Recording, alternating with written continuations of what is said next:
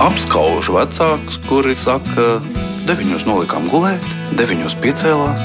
Viss nekāda problēma. Mēs tiekamies ģimenes studijā.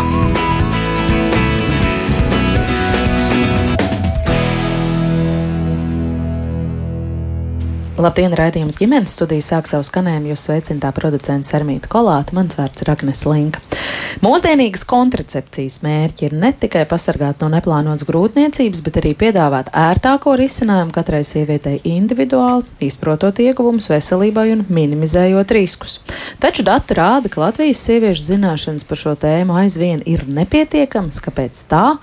Un kā tad saprast, kura kontracepcijas metode būtu piemērotākā. Par to mēģināsim tikt skaidrībā šai sarunā, un tās dalībniece šodien būs ginekoloģa dzemdības speciālista, medicīnas zinātņu doktora un profesora Rīgas Tradiņu universitātē Kunta Lazdāna. Labdien! Labdien! Arī dzem ginekoloģa un dzemdības speciāliste, arī Rīgas Tradiņu universitātes docētāja Natālija Bērs. Sveicināti! Sveicināti! Un ginekoloģa un dzemdības speciāliste Alisa Vigula arī šodien kopā ar mums ģimenes studijā. Labdien! Labdien! Un kā vienmēr arī jums klausītāji gribu teikt, ka esat laipni aicināti pievienoties mums šai sarunā, ja jums rodas kādi jautājumi, ir pieredze pieredzes eh, stāsti vai viedokļi. Gaidīsim jūs komentārus. Droši atrakstiet ģimenes studijā no Latvijas radio mājaslapas. Es pirms rādījuma iepazinos arī ar tādu sabiedrības līdzdalības un izglītošanas platformu Screenings LV. Ieskatījos, tur izrādās pirms gada veikts eh, tests vai aptauja tāda, ko izpildījušas vairāk kā 1500 sievietes eh, Latvijā dzīvojušas ar vidējo vecumu 27 gadi kura būtu ar mieru izstāstīt, ja jūs zinat par šo aptauju, kas tad ir tas, uh, ko, tur, ko mēs tur uzzinājām, ko tā atklāja? Tā bija ļoti interesanta aptauja, jo tā, tur tika jautāts sievietēm, kādi ir viņu reproduktīvie plāni, ko viņas plāno, vai viņas vēlās grūtniecību, vai šobrīd tā grūtniecība nav plānota. Otra lieta, ko tur jautāja, bija, kādu kontracepciju viņi izmanto šobrīd. Un uh, trešā lieta, kādu kontracepciju šīs, pats, šīs meitenes ir izmantojušas iepriekš, jeb sievietes, uh, un uh, kādēļ ir pārtraukuši šo kontracepciju lietot. Un īstenībā tas atklāja diezgan tādus interesantus datus. Piemēram, nu, to, ka Latvija vēl joprojām ir pārtrauktā dzimuma akta zeme. Mm. Un vēl daļa atzīst, ka viņa lieto mm, barjeru metodas, jeb prezervatīvus, bet tad, kad tika jautāts, vai viņi ir tā saucamie ideālie lietotāji vai tipiskie lietotāji. Tātad ideāli ir tie, kas lieto pareizi metodi no sākuma līdz beigām un lieto viņu vienmēr. Un tad tipiskie ir tie, kas lieto viņu varbūt nu, negluži pareizi. Uh, nevienmēr pareizi. Un tad um, uh, tika konstatēts, ka īstenībā te, uh, šīs te barjeru metodas, ja prezervatīvus, uh, arī lielākā daļa nelieto pareizi un nelieto vienmēr. Mm. Tas ir tas svarīgākais, ko jums Jā. gribētos akcentēt. Varbūt ir vēl kaut kas, ko par šo aptauju pieminēt. Nu, tādas tādas uh, ilustratīvas. Īstenībā ilustratīvi bija tas, ka uh, bija diezgan maz, nu, salīdzinoši maza daļa ar pacientiem, kas lieto tādas uzticamās kontracepcijas metodas. Tas ir domāts kombinētā hormonālā kontracepcija vai vienfāziskā hormonālā kontracepcija, un arī tā saucamās intrauterīnās sistēmas un implantus. Tā bija diezgan maza daļa. Nu, un arī tur bija daudz šo te. Sieviešu mītu, teiksim, tā, uzskatu par uzticamajām kontracepcijas metodēm, ko atklāja arī šī aptauja. Mm -hmm. Noteikti parunāsim jā, par tiem mītiem un stereotipiem drusku vairāk. Ja es um, arī kolēģiem jautātu, kas ir tas, kā jūs vērtējat latviešu, Latvijas sieviešu zināšanas par, um, par kontracepcijas metodēm dažādām alis? Um, es teiktu, ka visdrīzāk zināšanas ir nepietiekamas, jo arī saskaroties savā praksē ar pacientiem, Mēs saprotam, ka ļoti daudzām kontracepcijas metodēm velkās līdzi mīti, dažādi aizspriedumi, kuri nav zinātniski pamatoti. Un izrunājot ar sievietēm, pamatojot, izstāstot, kur šiem mītiem aug kājas, uh, mēs saprotam, ka mēs varam viņus atspēkot, un sieviete kļūstot zinošāka, viņa var izdarīt uh, tādu informētu izvēli katrā kontracepcijas metodē. Un es domāju, ka tas mums kā speciālistiem un arī vispār valstiski ir ļoti svarīgi izglītot sievietes par drošām un uzticamām metodēm. Jā. Nu, es laikam piebildīšu, devu vārdu vairāk kolēģiem, kas ikdienā satiekās ar sievietēm. Man šī praksa jau ir pabeigta, klīniskā praksa, man vairāk nodarbojos ar studentu, studentiem un zinātni, tāpēc šajā jomā sevišķi nekomentēju. Bet es pilnīgi piekrītu tam, eh, ka mīti vēl ar vienu ir ļoti spēcīgi sabiedrībā. Un mēs ļoti ceram, ka atbilde precīzāka varētu būt tagad, kad mēs apkoposim tos nu, reprezentatīvās aptaujas rezultātus. Jo šī aptauja, ko jūs pieminējāt, kas ir ļoti informatīva, piekrītu, ļoti daudz datus mēs esam izmantojuši gan studentu apmācības izmantošanā, gan arī to, kā tad veidot jaunus, jaunus informatīvus materiālus sievietēm Latvijā. Bet tagad mums būs reprezentatīva, jo to šo aptauju nu, kurš gribēja, tas piedalījās, jā, jā. kurš negribēja, tas ne, nepiedalījās. Aptaujas ziņā, protams, arī ir vēlme atbildēt uz visiem jautājumiem par jau daudz tādu kompleksāku seksuālo reproduktīvo veselību, bet kontracepcija un ģimenes plānošana ir nopietna sadaļa. Mm -hmm. ja, profesor runā par, par, par, par lielo beidzot pētījumu, par kuru pirms pāris mēnešiem arī šeit jau ģimenes studijā runājām, kas notiek visaptveroši visā Latvijā. Atgādiniet, varbūt pavisam īsi, kad būs gatavs. Galīgie rezultāti būs septembrī. Jā. Tātad jau gana, gana drīz atpakaļ pie kontracepcijas. Jūs jau visas pieminējāt mītus un aizspriedumus, tad varbūt vienu pēc otru mēs varētu tos pārcelāt un izrunāt. Kādi tad ir tie mīti par kontracepciju, kas varbūt palēnām ir gaisuši un kas vēl joprojām ir lieli un spēcīgi? Kā jūs tos rindotu pēc, pēc svarīguma? Mums Pakāps. laikam jāsāk ar to lielāko bubuli, jo nav nekā ļaunāk šai pasaulē, kā kļūt rasnai. Aha. Mm, jā. Nu, tas ir, manuprāt, viskaļākais mīts, ar kuru uh, ne, mana kolēģa doktora Vigula man nedos samalot. Mēs saskaramies gandrīz katru dienu. Tātad tās liekās svara pieaugums un uh, īsnībā šobrīd tas ir atspēkots un um, īsnībā Tas šobrīd ir arī liels pētījums žurnālā Obesity, kas iznāca 2022. gadā, kur tika konstatēts, ka īstenībā sievietes ar laiku pieņemās svarā, vai viņas lieto kontracepciju, vai viņas nelieto kontracepciju. Un īstenībā pirmais svaru pieaugums mums notiek līdz 30 gadu vecumam. Tātad vidēji katra sieviete līdz 30 gadu vecumam pieņemās par 5 kg svarā. Un no tiem faktoriem, kas ietekmē šo svaru pieaugumu, ir ir izvirzīti primāri tātad kopdzīve ar otru pusi vai laulība. Tas ir viens no pirmajiem faktoriem. Otrs ir iestāšanās universitātē, un trešais ir sēras. Un uh, hormonālai kontracepcijai uh, šajā visā pētījumā pilnīgi tika apgāsta loma svara pieaugumā. Bet nu, mana kolēģi noteikti labāk pastāstīs, no kurienes šim mītam aug kājas. Aha, lūk, jo es arī skatījos jā, to skrīnings LV aptauju un e, piefiksēju, ka ievērojama daļa aptaujāto sieviešu norādīja, ka hormonālo kontracepcijas lietošana saistā ar svara pieaugumu. Tur bija veseli 48%, kas par šo sūdzējās.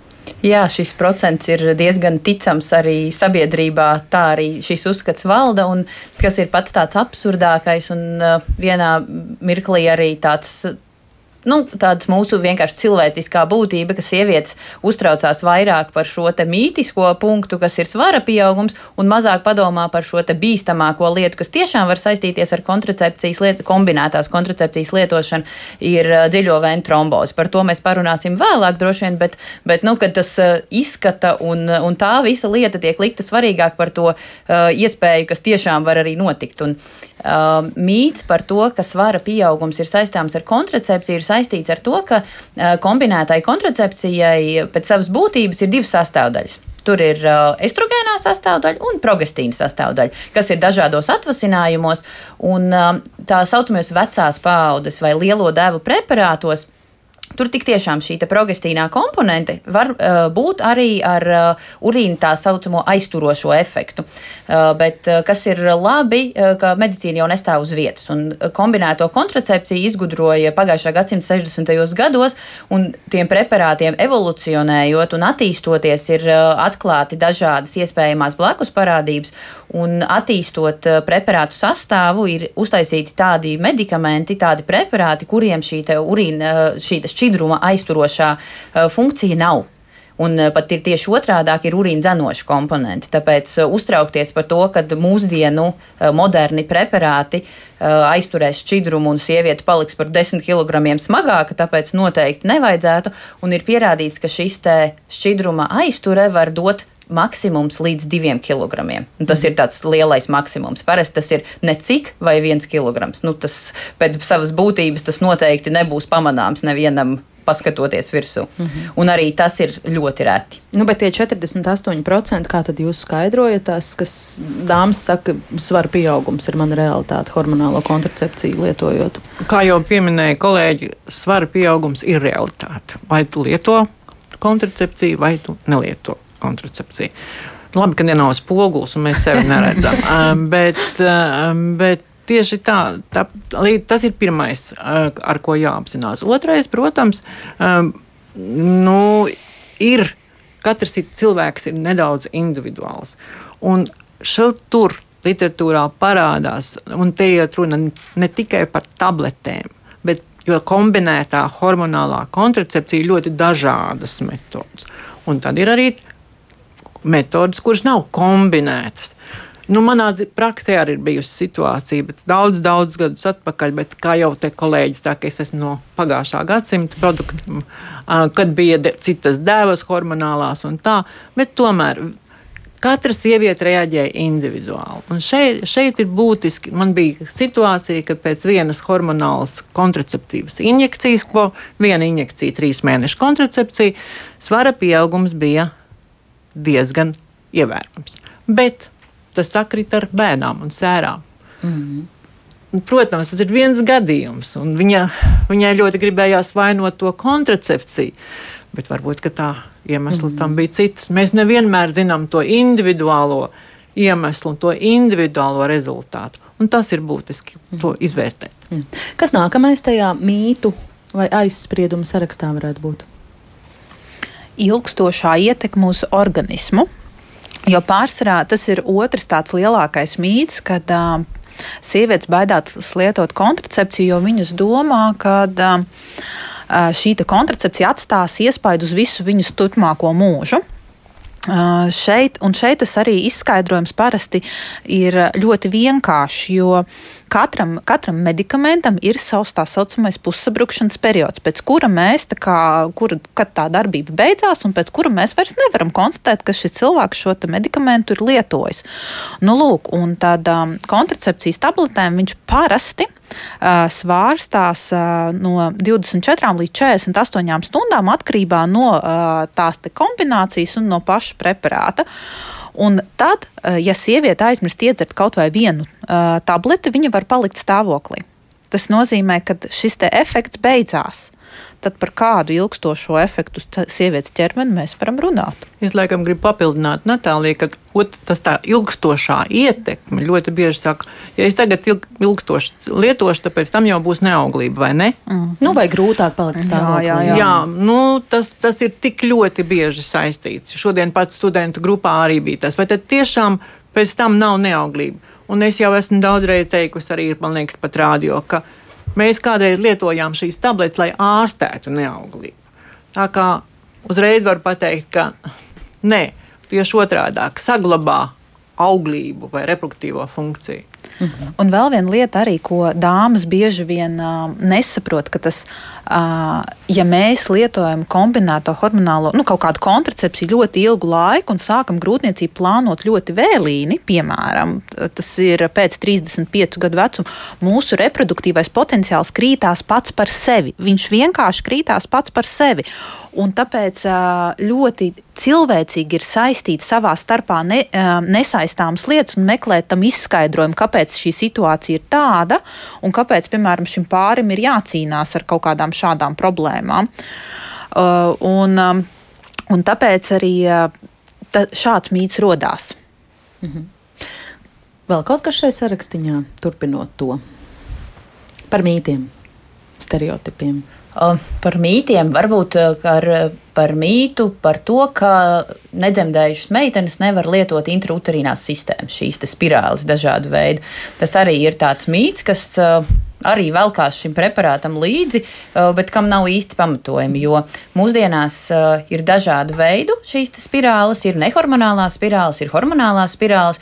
Viņas pēc sava dizaina, pēc sava izmēra, pēc saviem ievadītājiem ir uztaisītas tā, ka viņas drīkst lietot arī sievietes, kuras nav nekad dzemdējušas. Un, uh, tam nav nekāda pamatojuma, lai mēs atteiktu šādu kontracepcijas metodu sievietei. Protams, ka katrā vecuma grupā, katrā vēlmju kategorijā, reproduktīvajos plānos ar pacientu ir jāizrunā un ir jāsaprot, cik ilgtermiņa metode viņai ir nepieciešama, kāds ir viņas uh, vispārējā seksuālā uzvedība, ja var teikt tā, jo, protams, ka ir kādām, uh, katrai metodai ir savi riski un uh, spirāļu metodai risks ir tieši šīs seksuālo transmisīvo infekciju ascendēšana vai, vai iegurniekaisums slimība slimība. Un um, sievietēm, kuras ļoti bieži vaina partners vai viņām ir neusticams attiecības, viņām, protams, papildus būtu nepieciešama arī barjeru metode. Uh, bet uh, sava ērtuma ziņā un savas uh, tādas ikdienišķās lietošanas ziņā spirālis arī nedzemdējušām sievietēm ir ļoti ērta metode un par to nevajadzētu baidīties. Bet kāpēc tad ir tāda maiņa, varbūt uzskatu vai paradigmas maiņa, jo tiešām pirms 20 uh, vai nedaudz vairāk gadiem, kad es biju pusaudzis, tad bija ļoti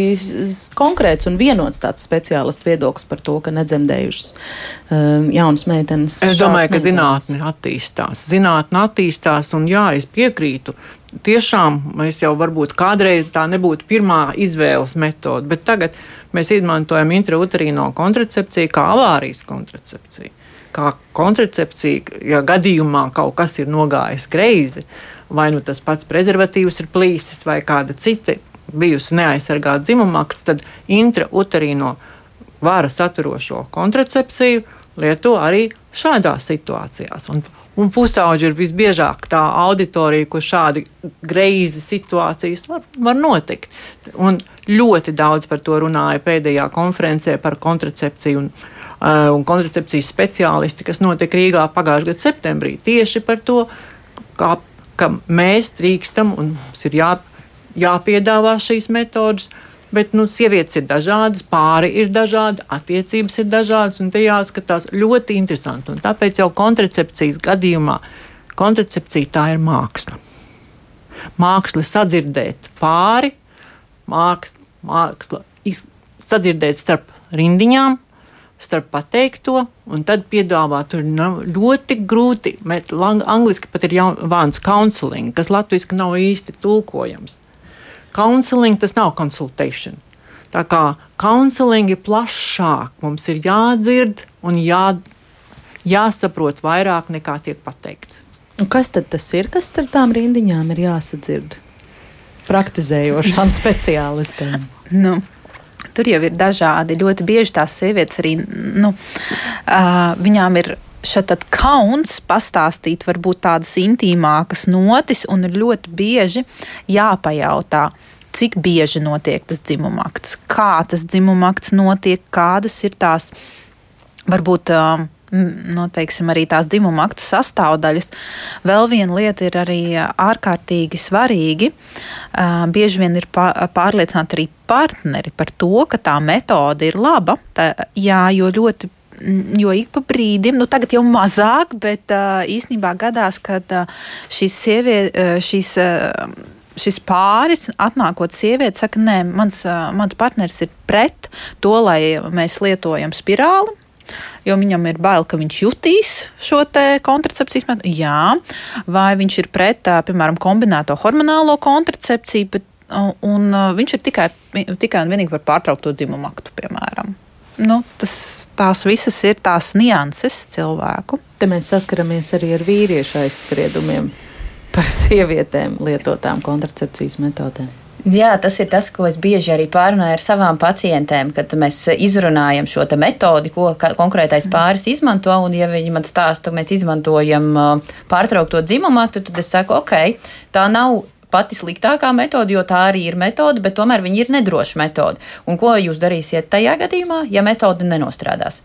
Ja būs grūtniecība. Ja pāris saka, mums viss ir kārtībā, grūtniecība arī tad mēs priecāsimies, ok, es varu atkāpties un ļoti neuzstāt uz kādu drošāku metodi, bet visbiežāk tomēr šīs sievietes atzīst, ka nē, grūtniecības šobrīd neplānoju, tas neietilps nekādos manos dzīves arī turpmākajos plānos, vismaz tuvākajā kaut kādā pārskatāmā nākotnē.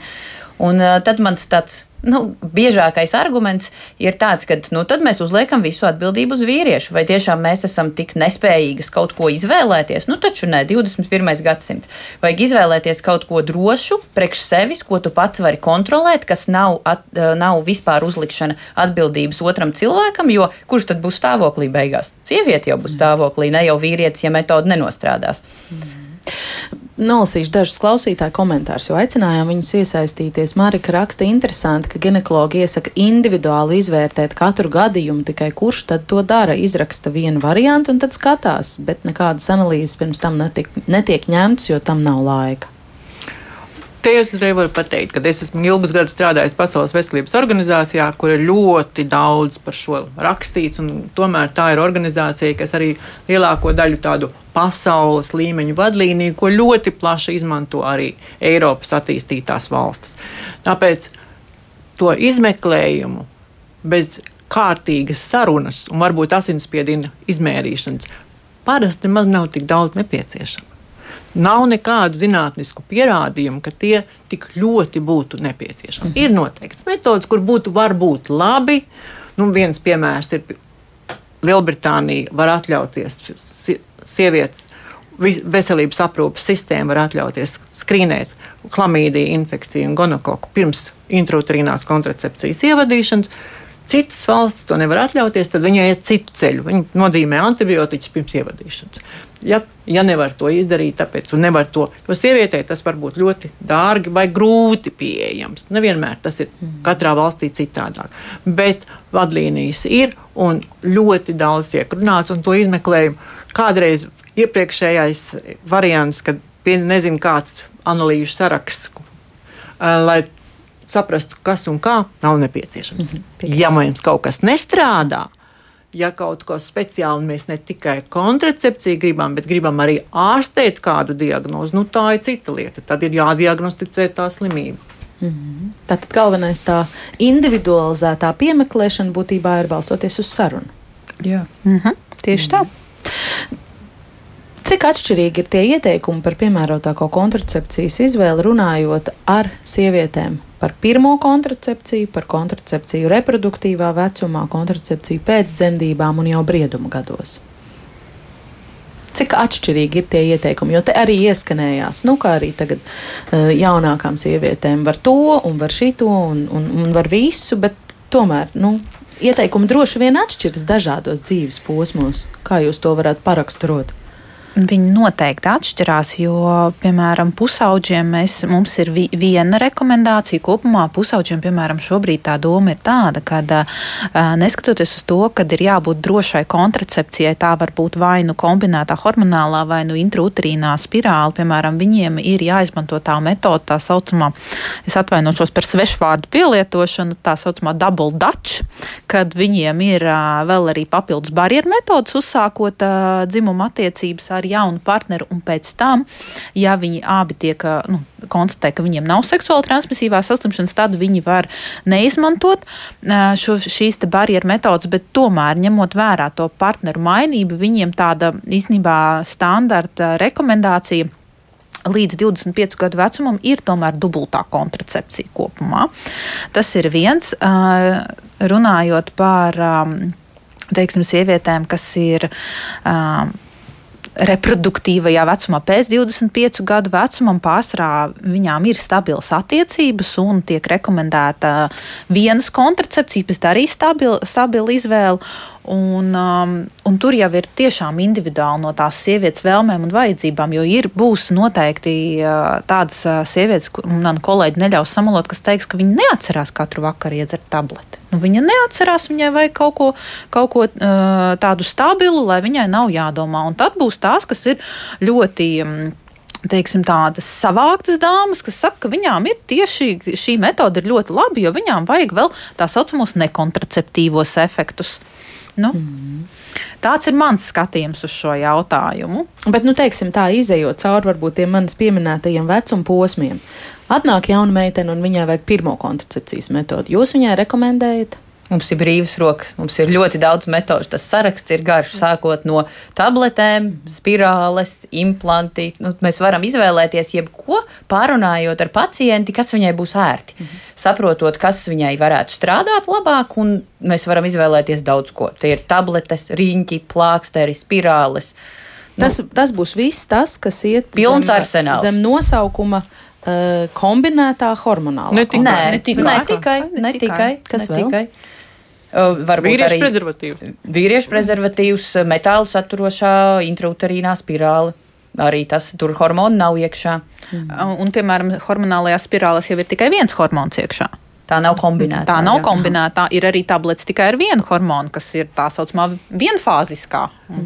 Es laikam gribētu teikt, ka pusaudzim pats galvenais uzdevums pirmajā konsultācijā ir neatbaidīt to meiteni no dzīves un, un viņai palīdzēt, meiteni, ja tā ir pusaudze, nu, meiteni, eh, nu, palīdzēt viņai uzticēties cilvēkam, pie kā viņa ir atnākusi, un tālākā dzīvē, jo šādi varētu būt. Tas ir pats galvenais. Ja mēs šo sievieti atbaidīsim, bet arsenāls praktiski tāds pats.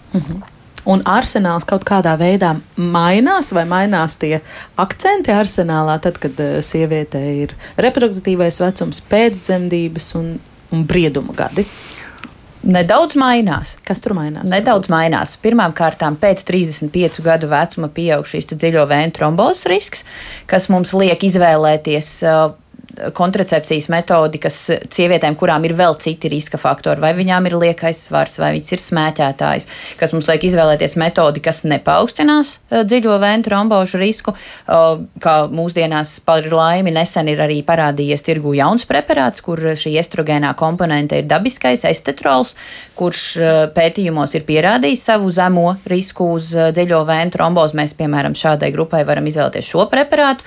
Um, Tāpat arī uh, sievietēm uh, pēc 35 gadu vecuma biežāk ir novērojama šī endometrija sabiezē, jeb dzemdas gļotādas sabiezēšanās, vai pēc 45 gadu vecuma, vai tajā pirms menopauzes periodā dažādas hormonālo svārstību ietekmē var veidoties cistas, polipi, uh, šīs hiperplāzijas. Tad atkal mēs piemeklēsim citu metodu, lai viņai būtu gan kontraceptīvais efekts, gan terapeitiskais efekts.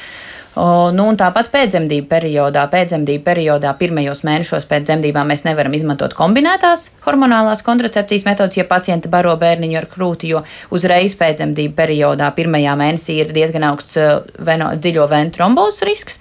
Tāpēc mēs nevaram izvēlēties, un uh, turpmākai līdz sešiem mēnešiem, ja tiek barots bērniņš ar krūti, kombinētās metodas nebūs ieteicams, tāpēc, ka var samazināt nedaudz laktāciju. Mm -hmm.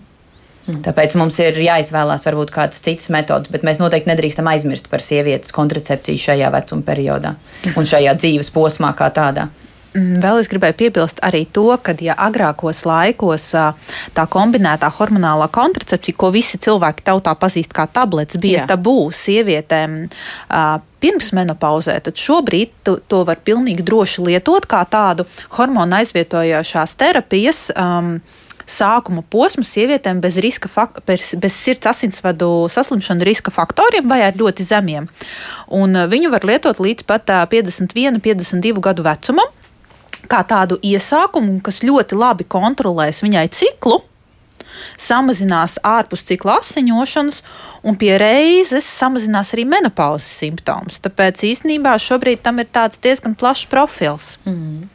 Mums arī kāda klausītāja jau, jau sākumā, tad, kad runājam par svaru pieaugumu, iesūtīja savu uh, sakāmu, un es nolasīšu daļu no tā, jo tas varbūt attiecas plašāk uz mūsu šīs dienas tematu. Viņa saka, redz, 60. gados arī teica, ka nav blakņu, bet tad pēc kāda laika uzzināja, ka ir. Es nenoliedzu, ka medicīna iet uz priekšu, eh, bet nesakiet, ka tam nav pamata. Nu, respektīvi, vienmēr taču pastāv iespēja, ka vēl pēc 10 vai 20 gadiem izrādīsies, ka nav tā, kā mēs tagad domājam. Kā ir ar šo Nu, aspektu? Vai tas tāds gribētu- filozofisks? Ne, tas ir filozofisks jautājums. un Vienīgais, ko man gribētos akcentēt, ka tā kontracepcija vispār ir viena no vislabāk pētītām un izpētītām, novērotām medikamentu grupām, nu, medikamentu un ierīču grupām. Mēs nevienmēr varam nosaukt um, vara intrauterīno kontracepciju par medicīnu. Tāpēc, ka tie ir miljoni un miljoni iedzīvotāji. Tā nav kaut kāda mērķa grupa ar kaut kādu noteiktu slimību.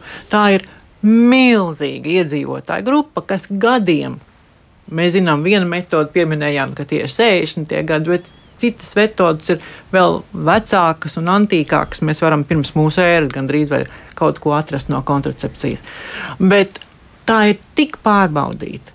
Jā, droši vien būs jaunas metodas, būs jauni, varbūt veidi, kā analizēt šo ietekmi organismam. Bet uz doto brīdi mēs varam pateikt, ka tas, kas jau ir, jau ir ļoti daudz sasniegts un ir plaši jāizmanto. Mm. Un ja, kāpēc 10 vai 20 vajag. gadiem izrādās, ka ir kaut kas pilnīgi diametrāli pretējs, tur tāda graujoša jaunuma diezgan maza iespēja. Pareizi? Nevajadzētu. Nevajadzētu būt, jo īstenībā pēdējā viela pēdējā sastāva modifikācija pēc savas būtības bija 2012. gadā. Tad mainījās, mainījās estrogēnā komponenti, un šobrīd mēs jau nu, desmit gadus dzīvojam ar šo vienu un to pašu estrogēnu komponenti, un mums īstenībā desmit gadu laikā mūsu zinātnes tādā fonā, nu, tas jau skaitās ļoti labi izpētīts. Mm, jā. Mums arī vairāk klausītāji lūdz lūdzu nosaukt, kas tas par jauno preparātu. Diemžēl mēs tā nedarīsim un nedod Dievs, neko mēs nereklamēsim. Tur tiešām jā, jā, jāvēršās pie konkrētā sava speciālista un šis viss jāizzina un jākonsultējas. Es tikai atgādināšu, ka šodien ģimenes eh, studijā mēs runājam par eh, mūsdienīgiem kontracepcijas eh, mērķiem un to, kādas vispār ir mūsu zināšanas Latvijā par, par šo tēmu, kāpēc tās aizvien nedaudz nepietiekams, ja var tā teikt, un sarunā piedalās profesora Gunta Lazda. Lazdāne un divas ginekoloģijas dzemdības speciālistas Natālija Bērza un Alise Vigulē. Vēl nedaudz atsaucoties uz to aptauju, kas um, portālā Skrīnings LV veikta, tur tai prezervatīvu lietošanai priekšroku dod 51% seksuāli aktīvo sieviešu Latvijā. Mm, kā ir, vai, vai jūs, teiksim, arī teiktu, ka šis rādītājs nav vērtējams atzinīgi. Jūs gribētu, lai būtu mazāk to prezervatīvu, vairāk eh, hormonālās kontracepcijas. Prezervatīvs ir ļoti laba metode, ja to lieto pareizi. Tā ir tā pareizība vai nepareizība tajā visā? Nu, vienkārši ir tehniska lieta. Es tikko nāku no nodarbības, kā es teicu, studentiem, un viens no nākamajiem ārstiem pēc šādas nodarbības viņi nedrīkst iziet, ja viņi nav parādījuši, ka viņi pareizi māk uzlikt. Jā, prezervatīvu. Viņi ļoti daudzās valstīs prezervatīvu pareizi lietošanu mācīja jau skolās. Jau tad, kad ir seksuālās audzināšanas klases un daudz studenti, kas mācās Rīgas Tradeņu universitātē, jau saka, mēs to mūsu valstīs, jo mums ir daudz ārzemes studentu, mūsu valstīs mēs to visu mācījām. Bet ar vienu vēl ir lietas, kuras aizmirstās vai jāatkārto, vai Protams, viņiem mēs to mācām ar domu, ka viņi būs nākamie ārsti, kas mācīs savus pacientus, savus klientus, jo mēs ģimenes plānošanā nerunājām par pacientiem. Mm -hmm. Ja nav slimi cilvēki, lielākoties mm -hmm. viņi nāk pie mums uz konsultāciju. Bet tas ir metode, ir laba, droša. Ja pērku, protams, prezervatīvus drošās vietās, nevajag varbūt kaut kur tā, ka um, karstā laikā, kioskā uz, uz ielas. Tas, tas nebūs varbūt tas īstais. Ko piebildīsiet? nu, neskaitot tehni, ir tehniskas nianses, kā viņu pareizi uzvilkt, kas, protams, katram vīrietim un arī sievietei īsnībā būtu jāapgūst un jāsaprot jau pirms viņa vispār uzsāk dzimumu dzīvi. Tur var būt uh, maziņš akmens mūsu skolu lauciņā. Ļoti žēl, ka veselības mācība nav vairs tā kā mūsu laikos, kad mēs vēl ar doktoru bērnu gājām skolā, kad uh, tomēr bija tāds atsevišķs priekšmets. Tagad tas ir kaut kā saplūdis ar citiem priekšmetiem kopā. Un, lai arī mulsinoši, tomēr es domāju, ka mūsu skolotāji, ja mēs viņus pareizi izglītot šajā tēmā, ļoti labi varētu veikt šo funkciju. Jau pirms uh, jauniešiem ir radusies vēlme uh, pamēģināt seksuālo dzīvi, jau saprast, kā sevi aizsargāt. Un otrais, arī pieredzējušiem pāriem bieži vien uh, mēs dzirdam šo te tipiskā lietotāja kļūdu, kas ir, ka prezervatīvs tiek uzvilkts tikai dzimuma akta beigās. Un ir pierādīts, ka varbūt arī pirms ejakulācija, un tādā gadījumā sieviete nav pasargāta no neplānotas grūtniecības. Mm -hmm. Vēl viena lieta arī tas, ko bieži vien pāriem ir atzīt kauns. Tas ir mans jautājums vienmēr, kad man tiek pateikts, ka mēs izmantojam kontracepcijā prezervatīvus. Es parasti jautāju, vai jūs to darat katrā dzimumaktā? Katrā dzimumaktā.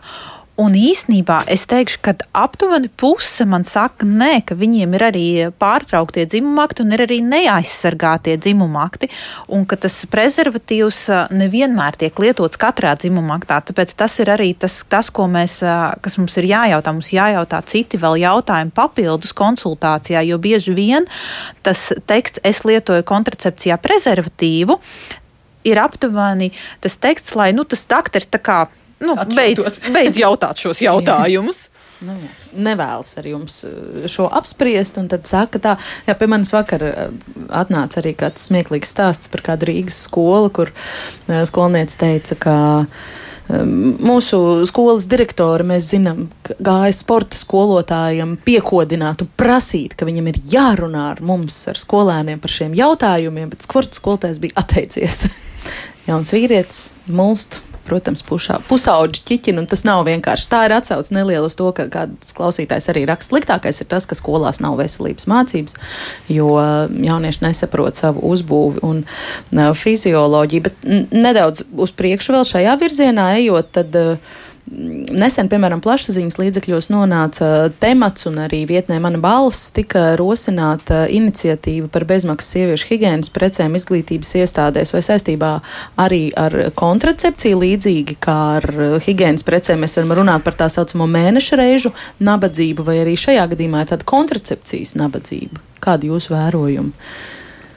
Te atkal jāsaka no pagātnes. Mēs pagājušā gadsimtā braukājām pa Latviju un izvērtējām, cik pieejami ir prezervatīvi. Un tas bija jau tagad tā situācija, protams, ir mainījusies, bet toreiz bija grūti tam jaunietim mazā salīdzinoši apdzīvotā vietā ieiet tajā aptiekā un nopirkt to prezervatīvu. Nu, vēl jau vajag arī to naudu. Naudiņu pats par sevi vajag, bet arī ieiet, un tev Anna, Anna skundze tūlīt zvanīs mammai un teiks, ka kad pāri tu zini, ka tavs pēters bija pēc Jā. prezervatīviem, tas, tas, nav, tas ir parasti tas mūsu lielākā problēma. Un tur vajag kā runā par prezervatīvu automātiem, ka tādiem būtu jābūt. Un te ir kaut kāda nu, noteikti arī atbilde. Mēnešu reižu produktus um, ļoti rekomendēju tagad, lai būtu pieejami dažādās skolās un tā tālāk. Prezervatīvu automātiem varbūt, ka skolās nebūtu jābūt pieejamiem, Tas ir atkarībā no kāda skola, bet universitātēs, piemēram, un citās vietās, kur daudz jaunu cilvēku. Kāpēc ne? Mm. Bet tieši par to finansiālo aspektu runājot, jo jūs pieminat aizvien jaunus un jaunus, uh, progresīvus preparātus izstrādāt, zinātnes atklājumus, bet tas taču viss maksā tas viss maksā. Un, piemēram, Eiropas, Rietuma Eiropas valstīs līdz 25 gadu vecumam lielākajā daļā ir bezmaksas kontracepcija. Un tas ir um, ļoti hormonālās tabletes. Vispār, jebkas, ko sieviete vēlās, vai tā ir intrauterīnā sistēma, nehormonālā vai hormonālā, vai tās ir kombinētās kontracepcijas tabletes, vai tās ir viena hormona saturošās kontracepcijas tabletes, tas viss ir bez maksas atkarībā no tā, ko tā sieviete izdomā ar savu ginekologu vai ar savu ģimenes ārstu, atkarīgs no valsts. Nu, tā, jo citās valstīs ģimenes ārsts par šo jautājumu atbild. Un, um, atbild sieviete. Tā ārsts konsultē. Jā, jā, jā, jā, jā. Nu, tādā ziņā. Uh, un, tas, uh, un tas ir arī bezmaksas pasākums. Bet šeit, uh, tad, kad es stāstu, piemēram, um, 18-gadīgai vai, vai 17-gadīgai jaunietai par to, ka mēs varētu, ņemot vērā visus viņus tos par un pret, ievadīt intrauterīno spirāli, tad tajā brīdī, kad es viņai nosaucu, cik tas maksās, tajā brīdī ir vai nu jāstāsta mammai, ko viņa varbūt īsti negrib, vai nu jāprasa no partnera. Un, ja partneris arī pats nepelna, tad pie tā mēs arī paliekam. Tā.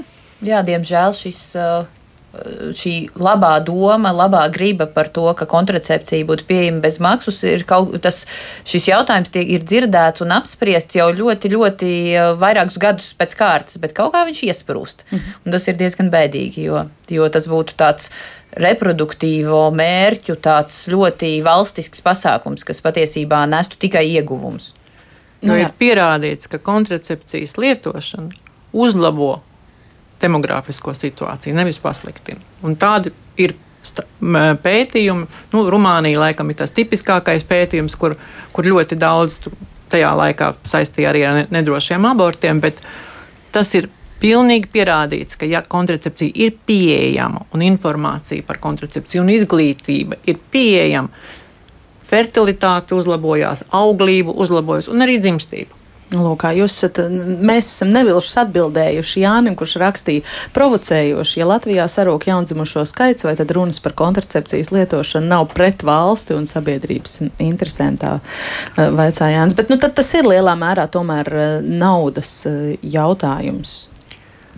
Igaunijā, piemēram, ja nevienmēr visu var nosegt, vismaz daļēji apmaksāt. Ir valstis, un es vienmēr šajā nodarbībā, kur ir dažādi Eiropas studenti, parasti, nu, kā jums ir prezervatīvi, nu, tie nu gan ir pieejami praktiski visur bez maksas jauniem cilvēkiem. Mm. Tas ir vienkārši pieejami ļoti daudzās vietās. Tagad avārijas kontracepcija ar vien vairāk Eiropas valsts var ieiet aptiekā un pajautāt, bez maksas tiek iedots. Beļģija, piemēram, viena no valstīm. Tā kā ļoti svarīgi ir tieši šī finansiālā puse un atbalsts. Tas ir, tas ir arī atbalsts uh, visam šā, šīs problēmas risinājumam. Tālu mēs Latvijā esam no tā. Ļoti tālu tradicionāli, un arī šeit jau ieskanējās tas sievietes, sievietes, sieviešu zināšanas, sievietes un kontracepcija. Tā vienmēr ir bijusi izvairīšanās no nevēlamas grūtniecības sievietes darīšana. Mūsdienīgi, protams, uz to, manuprāt, ir skatīties kā uz pāra atbildību un uz pāra lietu. Cik aktuāli Latvijā ir vīriešu kontracepcija? Kādi jūsu novērojumi? Nu, man patīk tas, ka vismaz pēdējā laikā ļoti bieži parādās šis jautājums. Vīriešu kontracepcija, pat studentu jautā, kas ir jauns vīriešu kontracepcija? Kad tad būs tās vīriešu tabletes vai jauna vīriešu metode? Pagājušajā gadā, 22. 2022. septembrī, Pasaules eh, kontracepcijas diena, septembrī tika veltīta vīriešu kontracepcijai. Tas ir aktuāls jautājums visur pētniecība iet ļoti, ļoti straujiem soļiem uz priekšu.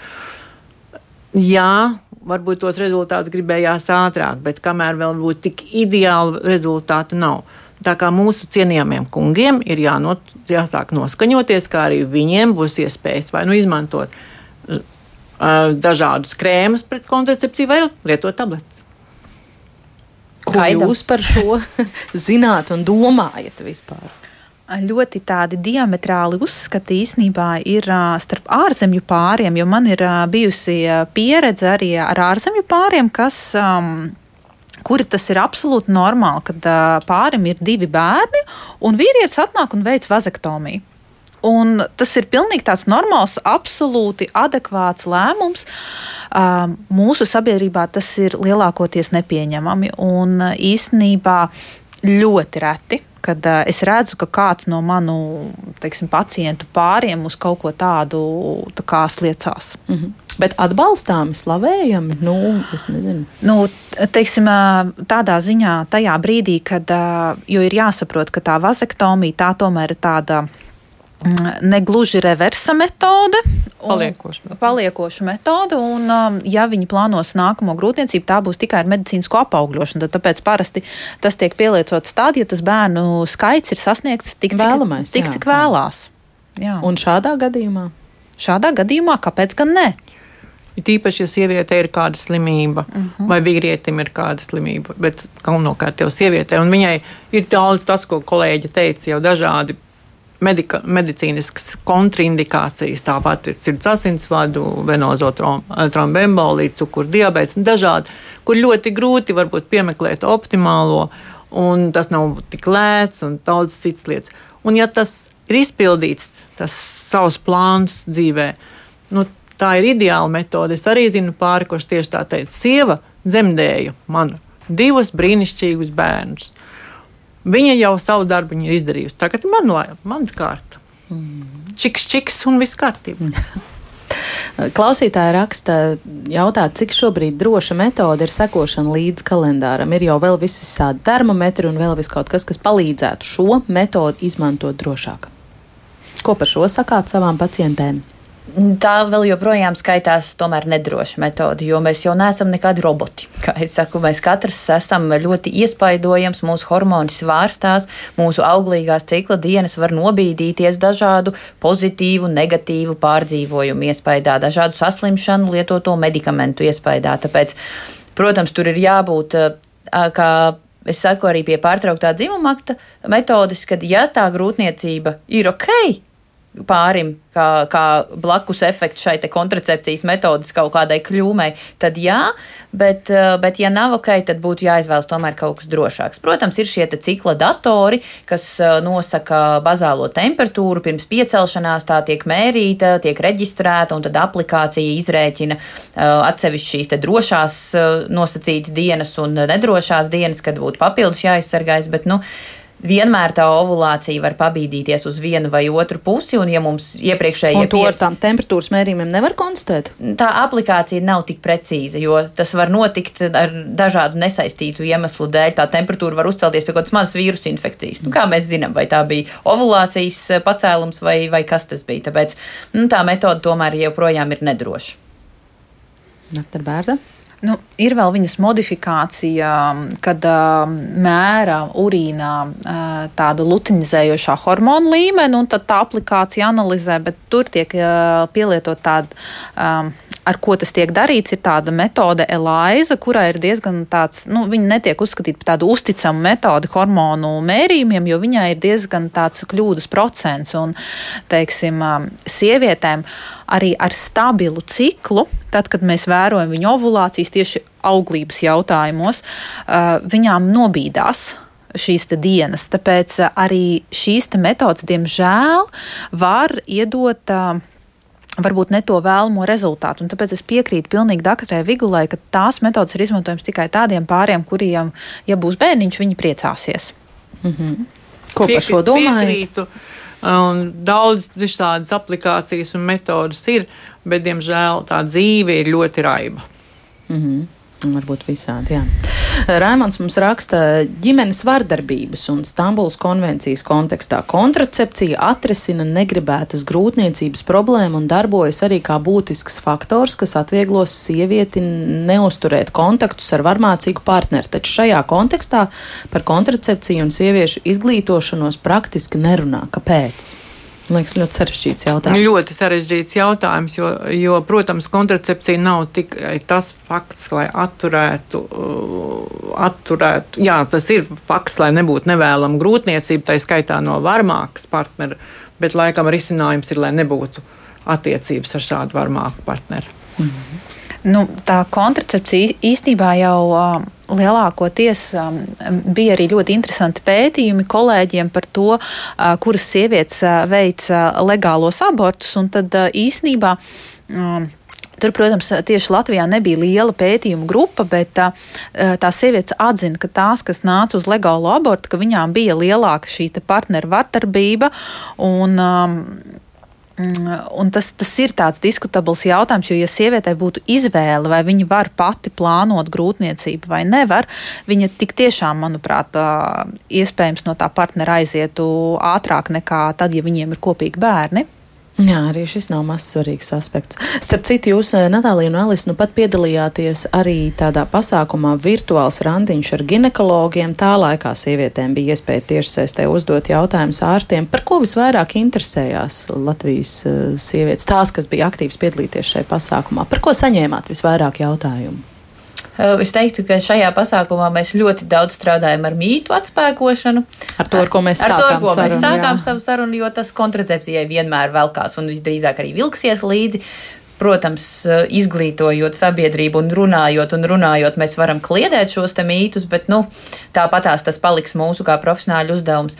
Otrais bija arī par ko mēs jau raidījumā parunājām par kontracepcijām dažādos uh, dzīves posmos, un ka mums ir jāpielāgo tomēr katrai sievietes uh, dzīves posmam un situācijai individuāla kontracepcija. Un uh, kas bija tas trešais? Uh, vienkārši par metožu dažādību.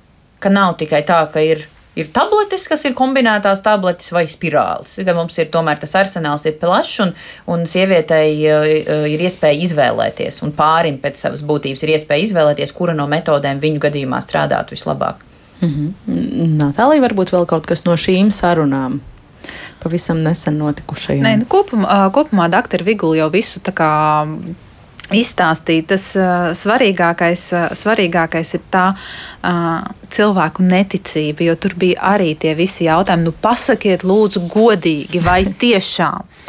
Un man liekas, tas ļoti dīvaini, jo ārsta uzdevums īstenībā ir izstāstīt visu godīgi, kā ir. Un jau ar pirmo reizi. Jau ar pirmo reizi un atrast to risinājumu.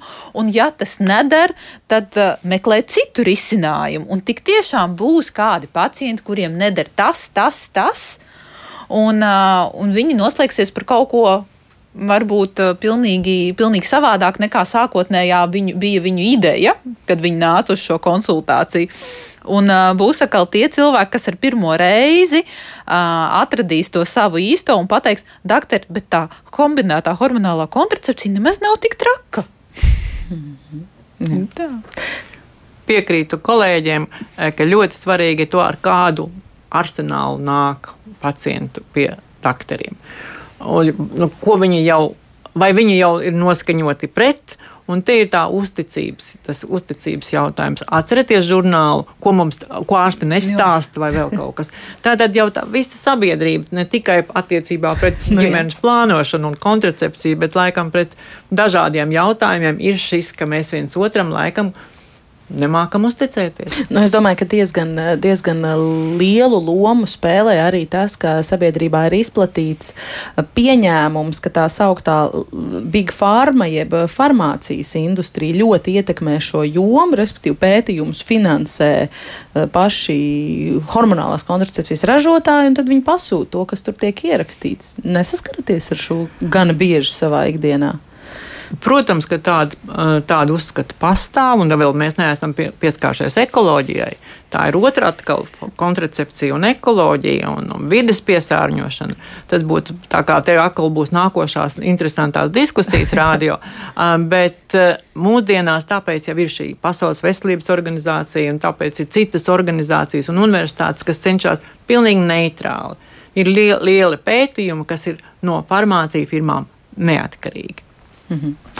Nu jā, vēl daži interesanti aspekti vēl te iebira mums pēdējās mm, sekundēs mūsu ziņu pasta kastē, bet, diemžēl, tos vairs nepaspēšu nolasīt. Paldies visiem rakstītājiem, jautātājiem, un paldies arī par sarunu ģimenes studijā. Es šodien teikšu profesorai Kuntai Lazdānei un ginekoloģiem dzemdību speciālistēm Alisei Vigulai, Natālijai Bērzai. Ģimenes studiju šodien veidojas Armīta Kolāta, pie skaņa pults bija Rita Karnača, pie mikrofona Agnes Linka. Pēdējos gados Latvijā realizēts dažādas kampaņas, kas mudina atpazīt un neklusēt, ja blakus mēs pamanām vardarbību ģimenē, un jo īpaši pēdējās nedēļās ļoti aktuāls temats arī plašsaziņas līdzekļos. Rīt mēs ģimenes studijā gribam runāt par to, vai esam gan aktīvi, lai neuzskatītu to tikai par katras ģimenes iekšēju lietu, un vai arī institūcijas prot eh, kādus līdzcilvēku signālus par vardarbību ģimenē atpazīt un nopietni uztvert un uz to reaģēt. Par to sarunu rīt, eh, kā vienmēr no diviem līdz trījiem. Klausieties mūs arī podkāstos, mobilajā lietotnē un sekojiet ģimenes studijās sociālos tīklos uz sadzirdēšanos.